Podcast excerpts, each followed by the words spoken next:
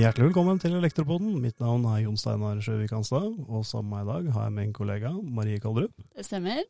og Eirik Normann Hansen. Velkommen. God morgen, god morgen. God dag. Eh, Takk. God morgen, god dag, god takk. takk ja, ja. Alt på alt på en gang. Alt på en gang, så Ja. er vi ferdig med det. Da er vi ferdig med det. Veldig bra. Veldig bra. Du, er, eh, du skal være foredragsholder på Nelfos teknologikonferanse. Ja, Ja. det gleder jeg meg til. Ja, det gjør vi òg. Det er, og det er vel faktisk tredje gang, tror jeg. Ja, du har vært med på litt forskjellige konferanser, for Ja. den her er første gang vi holder. Ah, altså, du har ikke vært med på den før? Det er jeg sikker på. Ja. Det, det er jeg faktisk helt sikker på. Var Nelfo jeg hang meg opp i. Det har du. Og det er jo derfor vi kommer tilbake til deg, for du har alltid noe spennende å bringe til torgs. Men det er jo så mye spennende som skjer. Veldig. Ikke sant? Ja. Men så tenkte jeg på en ting. Vi skal ha podkast med deg i dag. Og jeg vet jo veldig litt om bakgrunnen din. Kan du si litt om det, Erik? Vi blir litt bedre kjent med deg. Det skal dere få lov til. Og det er jo kanskje teknologiinteressen sånn først og fremst som er det mest spennende her. sånn. Eh, Og, og det som var greia, var at i 1978 Det er en gang. Det er herrens år. 1978, det er Begynner der, ja. Ja, ja, ikke sant. Da, min kjære onkel, onkel Erik, han hadde vært i Amerika. Og Der hadde han fått tak i et uh, lite computerspill, et databasert spill som het Merlin. Jeg har den faktisk på kontoret ennå, og den virker. Og Da kunne du spille tic-tac-toe, programmere den til å spille enkel musikk. Og jeg var helt mindblown Kult. jeg fikk den. Og det vekket virkelig min interesse for liksom teknologi, og så var det litt flaks, for da kom Star Wars, og så var det science fiction, og så var vi liksom i gang. Og jeg drømte jo om hvordan verden skulle bli i år 2000, når jeg vokste opp. Det er vel starta det. Og så vokste man jo opp og holder på, og jeg gikk eh, videregående med data, EDB. EDB, EDB, ja. EDB hadde jeg, men, og, og det var spennende. Men så skjønte jeg også ganske fort at jeg skal ikke bli sånn programmerer. For det, det syns jeg ikke var så spennende. Og da var litt utfordringen at når jeg da skulle begynne å studere, da, så var det ikke, ikke sant, det fantes ikke noe sånn brukeropplevelse og UX-studier, og det, man, det drev man ikke med. Så jeg visste ikke hva jeg skulle bli. Så jeg ble dykkerinstruktør isteden. Så, så jobba jeg litt ved siden av i et rederi, og der traff jeg en fyr, en, han som var finansdirektør faktisk, som jeg kjørte veldig mye bud for. da. Han hadde en kompis som uh, hørte til på BI, og BI åpna institutt for teknologiledelse. Oi. Så derfor så søkte jeg der, og ble siviløkonom med fordypning i noe som heter informasjonsledelse. Og på midten av 90-tallet, slutten av 90-tallet, så var det jo da store informasjonsstøttesystemer.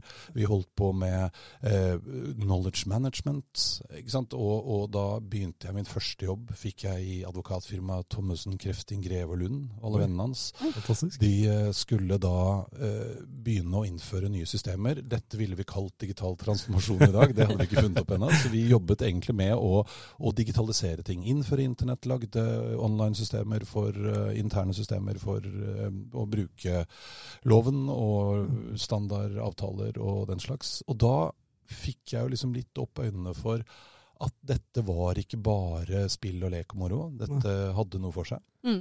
Så lagde jeg nettsidene til Thommessen Ja. sjøl. Det kunne jeg. Ja. Brukte sånn ferdig, det het eh, hva heter det for den? Frontpage og Ja, ja. Access-database og sånn. Mm. Ja. Og så viste det seg at det funka så bra. De begynte å få forespørsler på sentralbordet fra folk som hadde funnet oss på internettet. Og da fikk jeg i oppdrag å lage de første ordentlige nettsidene. Så jeg fant et byrå, og da begynte jeg å jobbe der. Så Ja. da gikk jeg over i byråverden og, og tok etter hvert over et, eh, et webbyrå som i sin tur vant Bråten Safe. Husker dere det? Noen av dere? Nei. Det var et norsk flyselskap som Ja. uh, fantes tidlig tidlig på Ja, det var vel kjempesvært uh, i Norge i hvert fall, i, uh, på 90- og 80-tallet og sånn. Og de var det første skandinaviske flyselskapet som ville ha booking på førstesiden sin på internett. Og den jobben fikk vi av en eller annen mystisk grunn.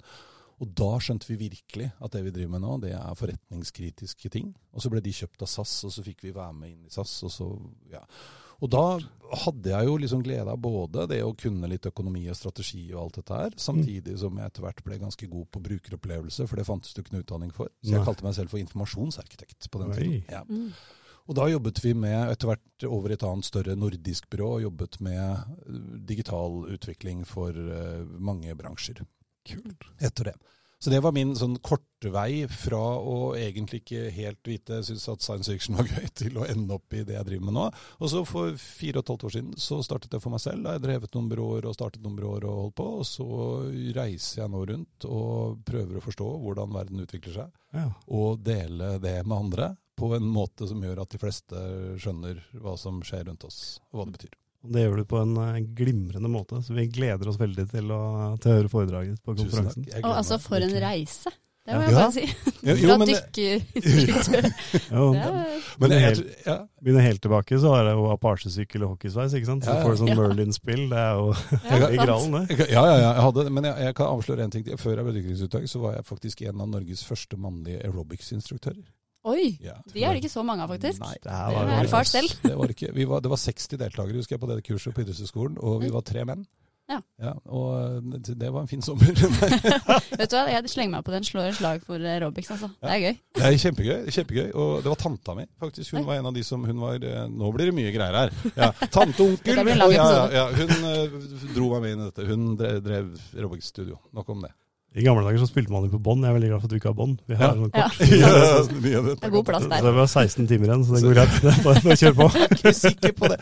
Men, eh, det er, ja, men det er spennende. Og jeg, jeg tror at for min del så har det som virkelig gjorde det spennende, det var å få lov til, på et vis Det er vel flaks at man er født når man er født, da. Men, men når jeg begynte da i byråverden, så var vi midt i starten av det vi i dag kaller for digital transformasjon. Ja. Internett hadde kommet, begynte å bli litt mer modent. Vi brukte det til mer og mer forretningskritiske ting. Mm. Det ble en viktigere og viktigere del av, av hverdagen vår. Mm. Eh, og det syns jeg har vært veldig spennende og gøy Mm. å være med på. For meg er det jo helt utenkelig at et eh, flyselskap ikke har booking på forsiden. Altså, Ja, ja. Det er jo helt idiotisk å ikke ha det. Alle har jo det. Ja, men, men tenk, altså, jeg, vet ikke, jeg er 52, eh, og, og første gang jeg dro til Syden, som det vi kalte det i Mm. gamle dager med Kaller det fortsatt det.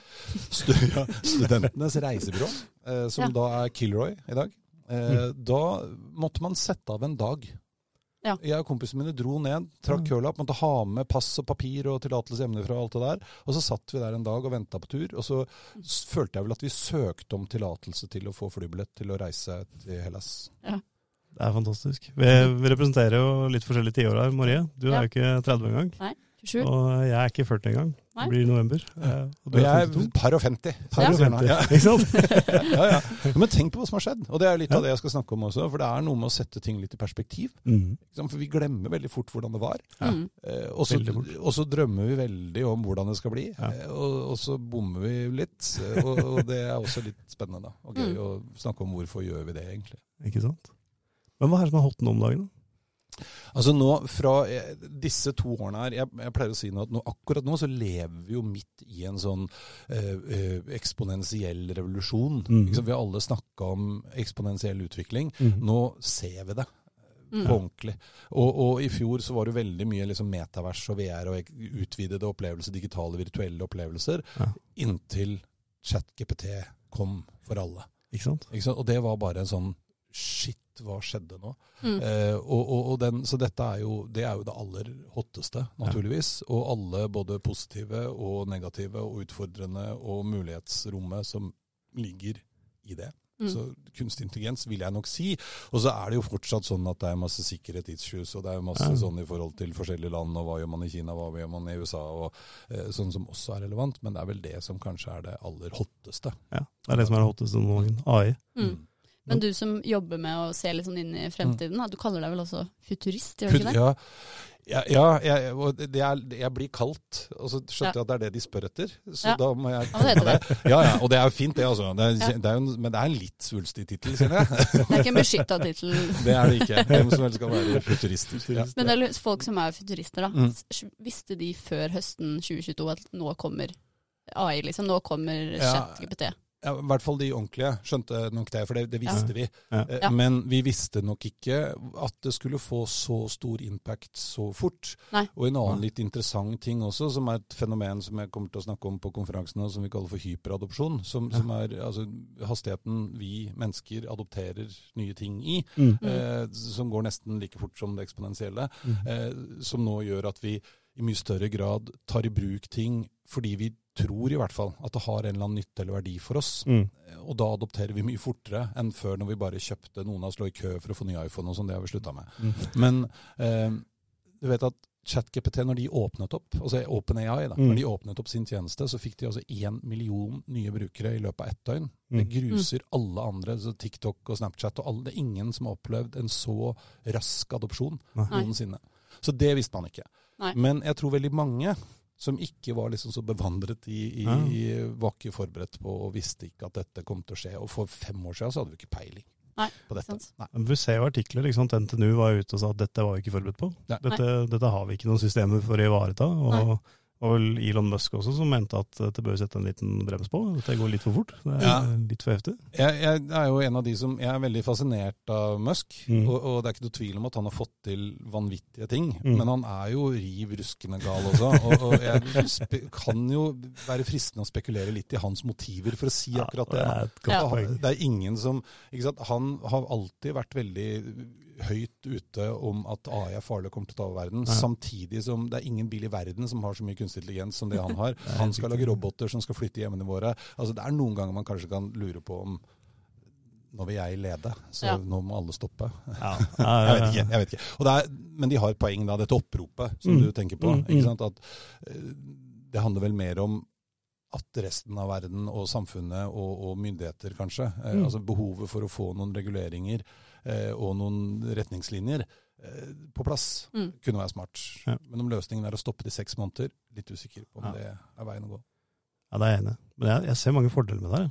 Ja. Jeg ser egentlig mange fordeler. Altså Mennesker pluss AI er jo mye bedre enn mennesker uten AI. Helt enig. Det er jo bare en forbedra form for internett, liksom. Raskere og mer presis. Og så er det jo viktig å skille på liksom de forskjellige òg, da. Fordi Mm. at den chat-GPT-en som de aller aller fleste bruker, Mm. eh, den som er gratis, Mm.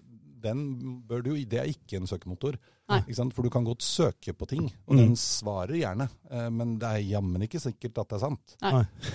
Det- For det har du ikke noe Når Bing integrerer sin, eller Microsoft, men integrerer sin i søkemotoren, Ja. så er det noe annet. Ja, det er sant. Ja, og det må man skille på, for det er litt sånn Jeg, jeg underviser litt også, og det er veldig Mm. gøy når studentene kommer løpende med oppgaver. ikke sant? Og det er superflott formulert, men det er bare sprøyt. Mm. Ja. Fordi det er en språkmotor som er flink til å lage språk. Ja. Ikke sant? For det, det er jo et poeng. da. Hvordan skal du liksom sjekke gehalten i det som du får? da? Altså Kvalitetssikre det. Nei, og det, det er jo også noe som vi jobber med, da. ikke Ja, sant? ikke sant? Fordi når, dette har man jo sett før, selv om nå omfanget er mye større. Ja. Mye viktigere, mye lettere å lage fake innhold. Eh, Men, men det er jo allikevel det er jo mennesket som er problemet. Det er jo ikke datamaskinen som tar over. Det er jo noen som ber den om å lage noe, Mm. som Mm. jeg velger å publisere Mm. som ekte. Eh, Og, og når, når internett kom, sant? og i skolen, så var man jo kjemperedd for det. da, For nå trengte du ikke å lese noen ting. Nå var det bare å søke på Google, og så fikk du jo svar. Ikke sant? Mm. Og bare å klippe og lime, og det drev man jo med. Mm. Det har vi fått løsninger for. Jeg har vært sensor, det er kjempegøy. Da får du oppgaver, og så er det tall ved siden av. Står det sånn 32 da betyr det at det er 32 kopi Mm. av en tidligere levert oppgave, eller noe som fins et eller annet sted. Ja. Og, og det kommer nok det kommer til å komme algoritmer med. Det, det fins noen foreløpig, men de er ikke gode nok. da De pleier stort sett å feile. Men eh, det kommer. Jobbe med algoritmene. Seg. Hva er det siste tech-produktet du kjøpte? Ja, det, det fikk jeg i posten i går. Posten i går? Ja, posten i går, og det er eh, Jeg har jo blitt eh, veldig sånn svoren uh, Remarkable-bruker. Dette Ja. norske tegne- og skrive, skrivebrettet og Ja. lesebrettet. Og de kom plutselig med tastatur. Ja, Og det tenkte jeg at det må jeg prøve. fantastisk. Ja, og det, det, men det er litt gøy, for det er sånn Når man tenker på det, så er det sånn Wow, og nå har du fått tastatur, så nå slipper du å bruke penn. Det blir kanskje litt sånn baklengs inn i fremtida, men det er noe litt fint med det, da. Eh, Så det har jeg lyst til å prøve. Eh, For jeg liker Remarkable-en. Nå ser jo ikke dere det, men nå sitter jeg her og rister på den på bordet. Ja. Eh, Fordi den er så dedikert. Det er litt som Kindle, som er laget for å lese. Så er denne laget for å skrive. Jeg bruker den masse til sånn notater og ja, topp. Så det blir gøy. Men det som kanskje er morsommere produkt, som jeg også fikk for litt over en uke siden, det var et kickstarter-prosjekt som nå er kommersialisert, som heter Bird Buddy. Bird Buddy. Ja, for når man bikker 50, og barna har flyttet hjemmefra, så må man finne på noe annet å gjøre. Ja. Så da har fru Hansen og jeg fått sånn fuglematestasjon utenfor kjøkkenvinduet. Og nå kom det da Bird Buddy, som er et uh, lite, ser ut som et lite fuglehus for å mate fugler. Og det har da et kamera med masse kunstig intelligens i. Så når det lander en pippefugl, så får jeg varsel på telefonen, og den identifiserer hva slags type fugl det er. Jeg får masse informasjon om den fuglen. Den kjenner igjen om den fuglen har vært der før. Jeg tror kanskje til og med jeg kan gi de fuglene navn. Altså, å, se, nå har Kjell kommet tilbake. Det hadde vært gøy. Men eh, litt rart og litt gøy, og veldig sjarmerende. Fantastisk produkt. Ja. Får lyst på det med en gang. Du får bilde og film. Det er Og helt rått. lydopptak hvis den synger. Fantastisk. Full kontroll på fuglene i nabolaget. Ja, ja, ja. Det er ingen, ingen som kommer forbi. Ja, det er helt utrolig hva som kommer, skjønner du. Flaggspett og greier. Det er ikke måte på. Men det er liksom kult uh, du drar fram uh, Remarkable, som er et sånt uh, dedikert produkt uh, for å lese dokumenter og jobbe med dokumenter. Og jeg blir liksom fornøyd med at du har fått et keyboard på, om det er en penn på. Så det, blir, det, det er jo liksom helt banalt. Det er jo Mm. ting som har vært der alltid. Men det der taktile ved å lære, Mm. det er liksom interessant, syns jeg. At man fortsatt lærer best, i hvert fall gjør jeg det, Mm. ved å skrive notater med hånda. Ja. Mm.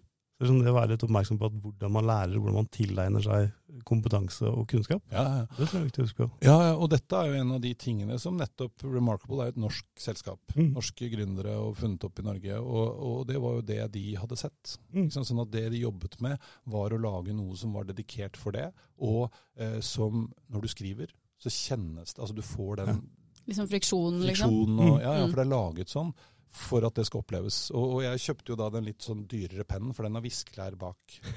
Og så du har den, så må du trykke på en knapp, og så må du viske. Nå kan du bare snu den rundt. vet du, sånn. Så kan du Ja. Digitalt. Det er litt dumt, fordi nå jeg sitter og biter på penner, og da bet jeg på den, og da datt det viskelæret av. Så da måtte jeg kjøpe en ny sånn penn. da. Men, så det må man ikke gjøre. Men, eh, ja, men det er noe med det, Ja. for en del eh, formål. Fordi dette forsket man jo på, husker jeg, tidlig tidlig på 2000-tallet, og, Mm. og snakket veldig om ikke sant, når Google begynte å komme med Google Glasses, og kanskje vi skulle lese på en annen måte. Mm. Kanskje tiden for eh, sider opp og sider ned er forbi.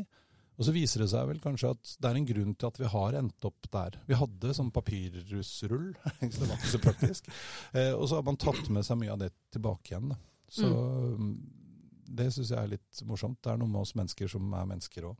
Mm. For det er vel litt av poenget med Remarkable òg, at den skal være mer lik, likt et ark, på en måte, Mm. eller en Ja. notatblokk, enn en PC. Ja. Det går litt motsatt veien, da. Ja, ja, ja. Og, ja. og jeg tror det er det som gjør at jeg syns det er så digg å bruke nå. For at hvis du bruker en iPad, som jo har Mm. fantastiske muligheter, og de er nydelige å skrive på, men da er det meldinger og e-post, og nettleseren er der, og ikke sant? Det, Mm. det skjer masse ting. Mens her gjør det ikke det. For det er, Mm. Den er til det. Du kan laste opp PDF-er og noen formater av eh, bøker. Og da kan du gjøre notater i boken. Helt nydelig. Tilpassa det formålet du skal brukes rett og slett. Ja. Spesialredskap. Kult. Og ikke baklys, da, som vi snakket om i stad. Så Ikke baklys. Nei, så du må ha på lampen Ja. for å lese. Det er sant. Ja, for Kindlen har baklys. Ja, så, men nå, vi som har blitt 52, vi husker at den første Kindlen hadde ikke det.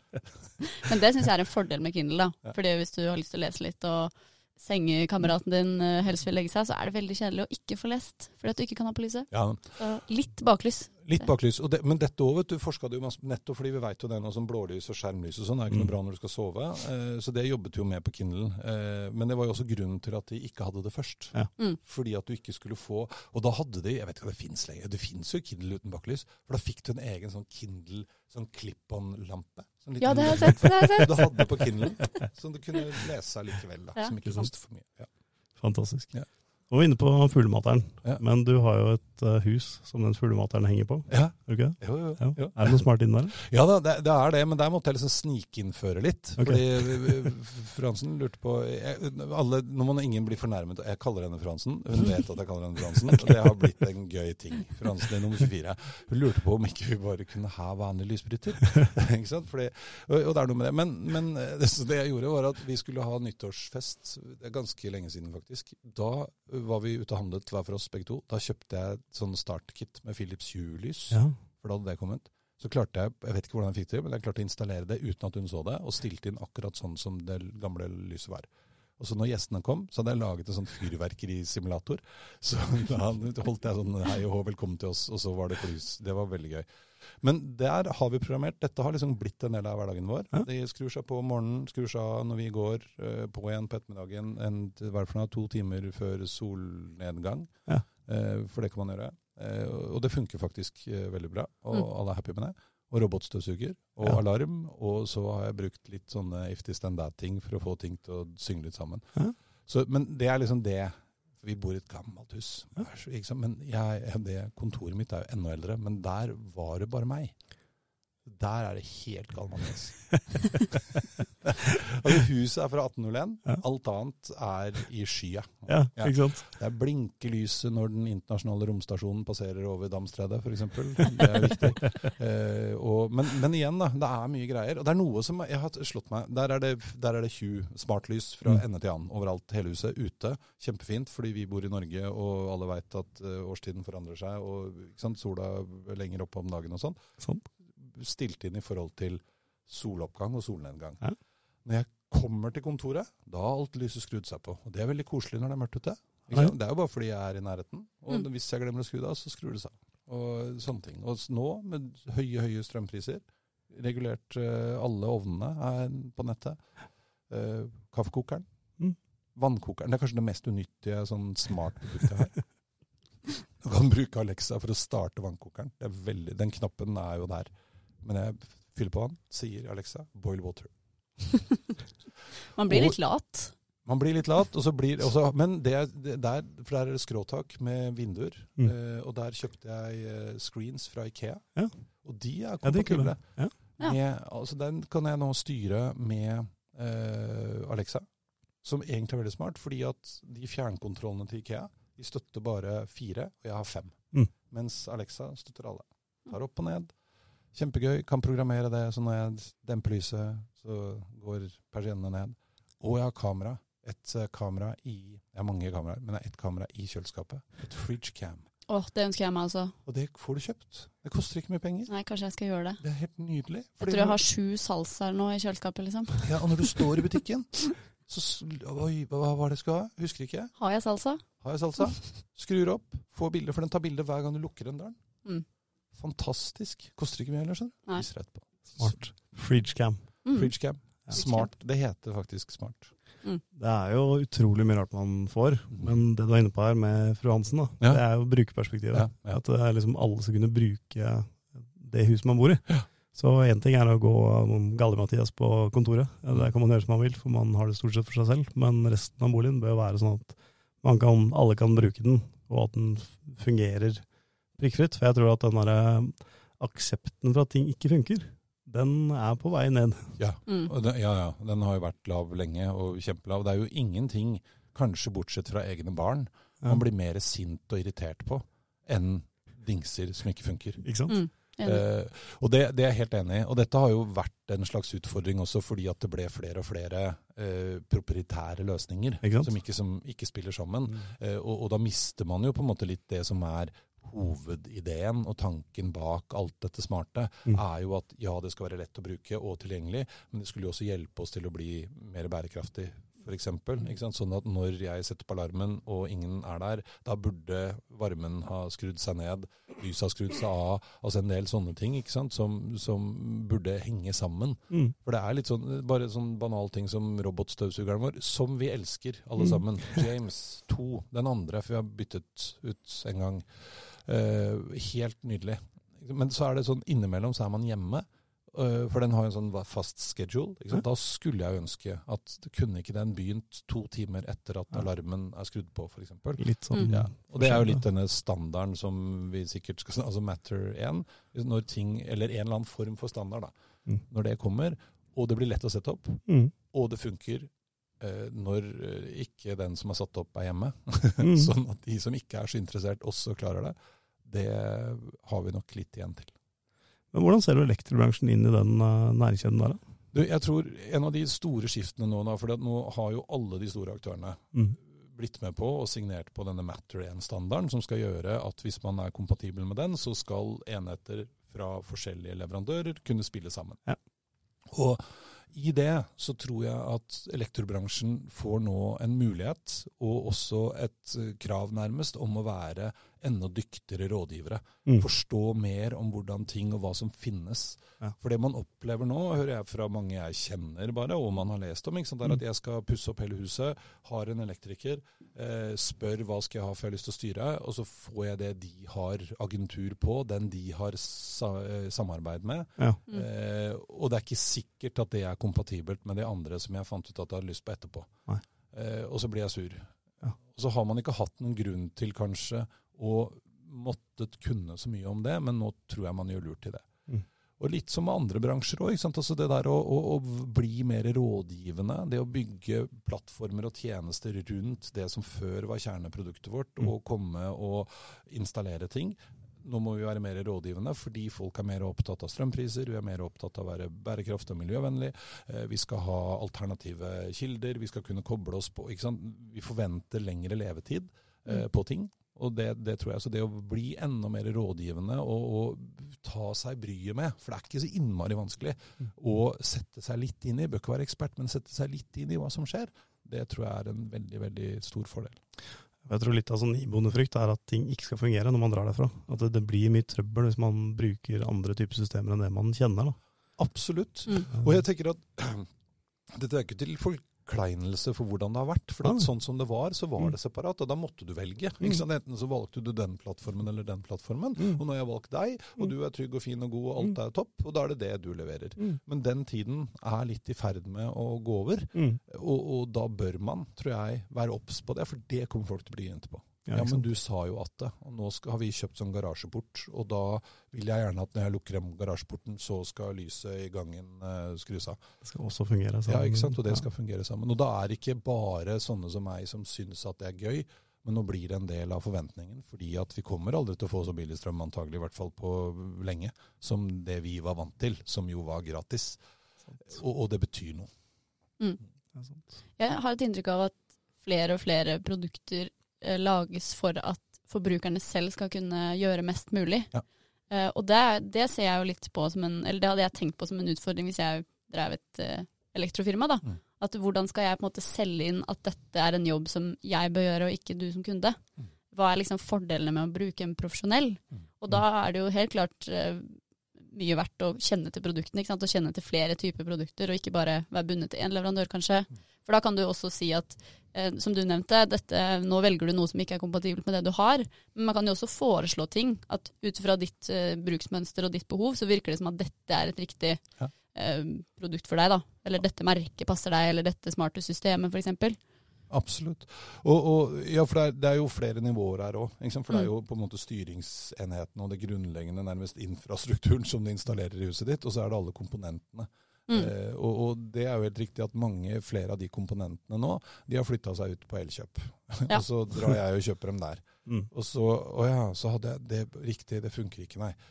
Og så må jeg jo òg innrømme at noen ganger så syns jeg noen er av forbrukerne òg. Blir mm. liksom alle drømmer om at alt skulle funke inn i én liten app. Mm. Altså Jeg tenker at du har telefonen din Jeg har mange apper, og mm. det er veldig ofte at det er ikke så innmari stort problem at jeg må gå inn i den ene for å stille varmen og den andre for å skru av lyset. Mm. Ikke sant? Så vi skal ikke Vi hadde en periode og en, en sånn drøm om at alt nesten bare skulle være så smart at jeg ikke behøvde å gjøre noen ting. Mm. Samtidig som jeg var litt redd for kunstig intelligens, men det var jo det man måtte ha. For det, det kunne man også gjort. da. Så, mm. så jeg, men jeg er helt enig med deg. Og, og, da handler det jo på en måte litt om å, å hjelpe til med å gjøre de rette valgene. Mm. mm. Og da hvis, hvis, du velger å installere lys...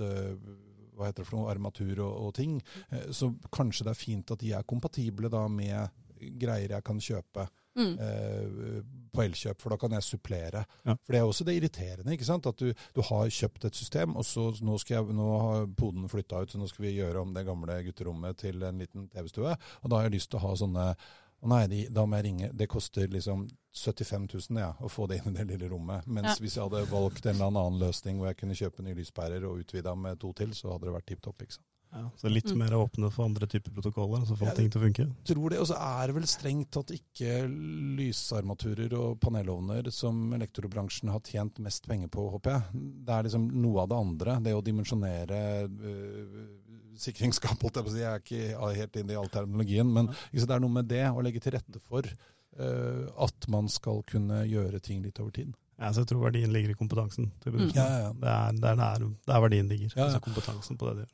Og, og, og det, er, det, skjer så mye at mm. den kompetansen, altså det vi lærte før, og det var mm. supert, da kom det aktører, og vi har valgt å samarbeide med dere, og de hadde opplæring på oss. Vi var griseeksperter på det systemet, men mm. vi kunne ikke så mye om det andre. Eh, og nå tror jeg man må kunne litt mer om det andre, om hvordan ting henger sammen. Og være litt mer rådgivende. Ja. Mm. Åpne boka og rådgi. Ja. Det, og der tror jeg det er et kjempepotensial, og så tror jeg det er en kjempefare hvis man ikke gjør det. Ja. Det kommer an på hvor du vil være i næringskjeden. Da. Ja. Mm. Egentlig. Ja, ja, Blir ja. pusha opp eller ned. Og så er det jo veldig viktig det du sa, for det, det kommer jo an på hvem man er og hva man er og hva man har lyst til. Ikke? Fordi at alle skal ikke ha, vil ikke ha alt grisesmart Nei. eh, nødvendigvis. Eh, og da skal man jo ikke liksom tvinges til det. Nei, det er sant. Men mutter'n på 80, ikke sant? hun gikk nå til innkjøp, eller jeg kjøpte til henne en robotstøvsuger. Ja. Uh, og nå elsker hun den overalt på den. For at det ble et issue for henne Mm. å støvsuge like mye som det hun er glad i å gjøre, Mm. eh, eller gjorde før da. Det er jo genialt. Min farmor også har fått det, men hun går og løfter den rundt fra rom til rom, da. Ja. Jeg prøver å si til henne at det er ikke nødvendig. Nei, Men hun syns liksom det er greit å hjelpe til litt, da. ja, og det er akkurat sånn for mamma. Mamma blir så irritert, for den, den driver og styrer så fælt med en sånn dørterskel mellom stua og gangen. Ja. Eh, og så prøver jeg å si, bare la den holde på. Ja, men jeg, han er, er det, Kan han ikke lære seg dette snart, da? Og det er også sånn det er litt morsomt. at Nå har den blitt en den. Den heter noe. Min òg. Og det er Ja, ja. Vi gir jo navn på alt dette her. Ja, Men det òg er en endring, vet du. Ja. Altså når, når Boston Dynamics kom med den der bikkja som gikk rundt, og folk hadde hørt om at den hadde masse kunstig intelligens, og det har den jo, for å lære seg å gå og ikke dette, så blir vi livredde. Mm. Da var det kjempeopprør, og nå kommer de og tar over verden. Mens når vi har robotstøvsugere og, og gressklippere som vi skjønner hva de driver med, og som gjør ting vi ikke syns er noe gøy, da får de navn og blir kjempeglade i det. og- Mm. Ja, ja. Ikke noe tull. Skal de repareres, ikke byttes ut, fordi at det har blitt glad i Knut. Da har vi fått deg hus og greier, ja. Det er sant. Det er sant. Yes, vi får mer av dette 9. mai. Du skal runde av eh, dagen for oss, eh, Eirik. Det blir gøy. Det gleder vi oss til. Ja. Nå skal jeg gå inn og google sånn eh, birdcam og Og kjøleskapskamera. fridge, cam, Fridge- Fridgecam og og Bird Birdfeeder. Buddy. Bird Ja. Buddy var det. Bird Buddy. Det må jeg sjekke ut. Det er kult. Lykke til. Tusen takk for praten. Bare hyggelig. Takk for i dag. Takk for meg. Takk for i dag. Thank you.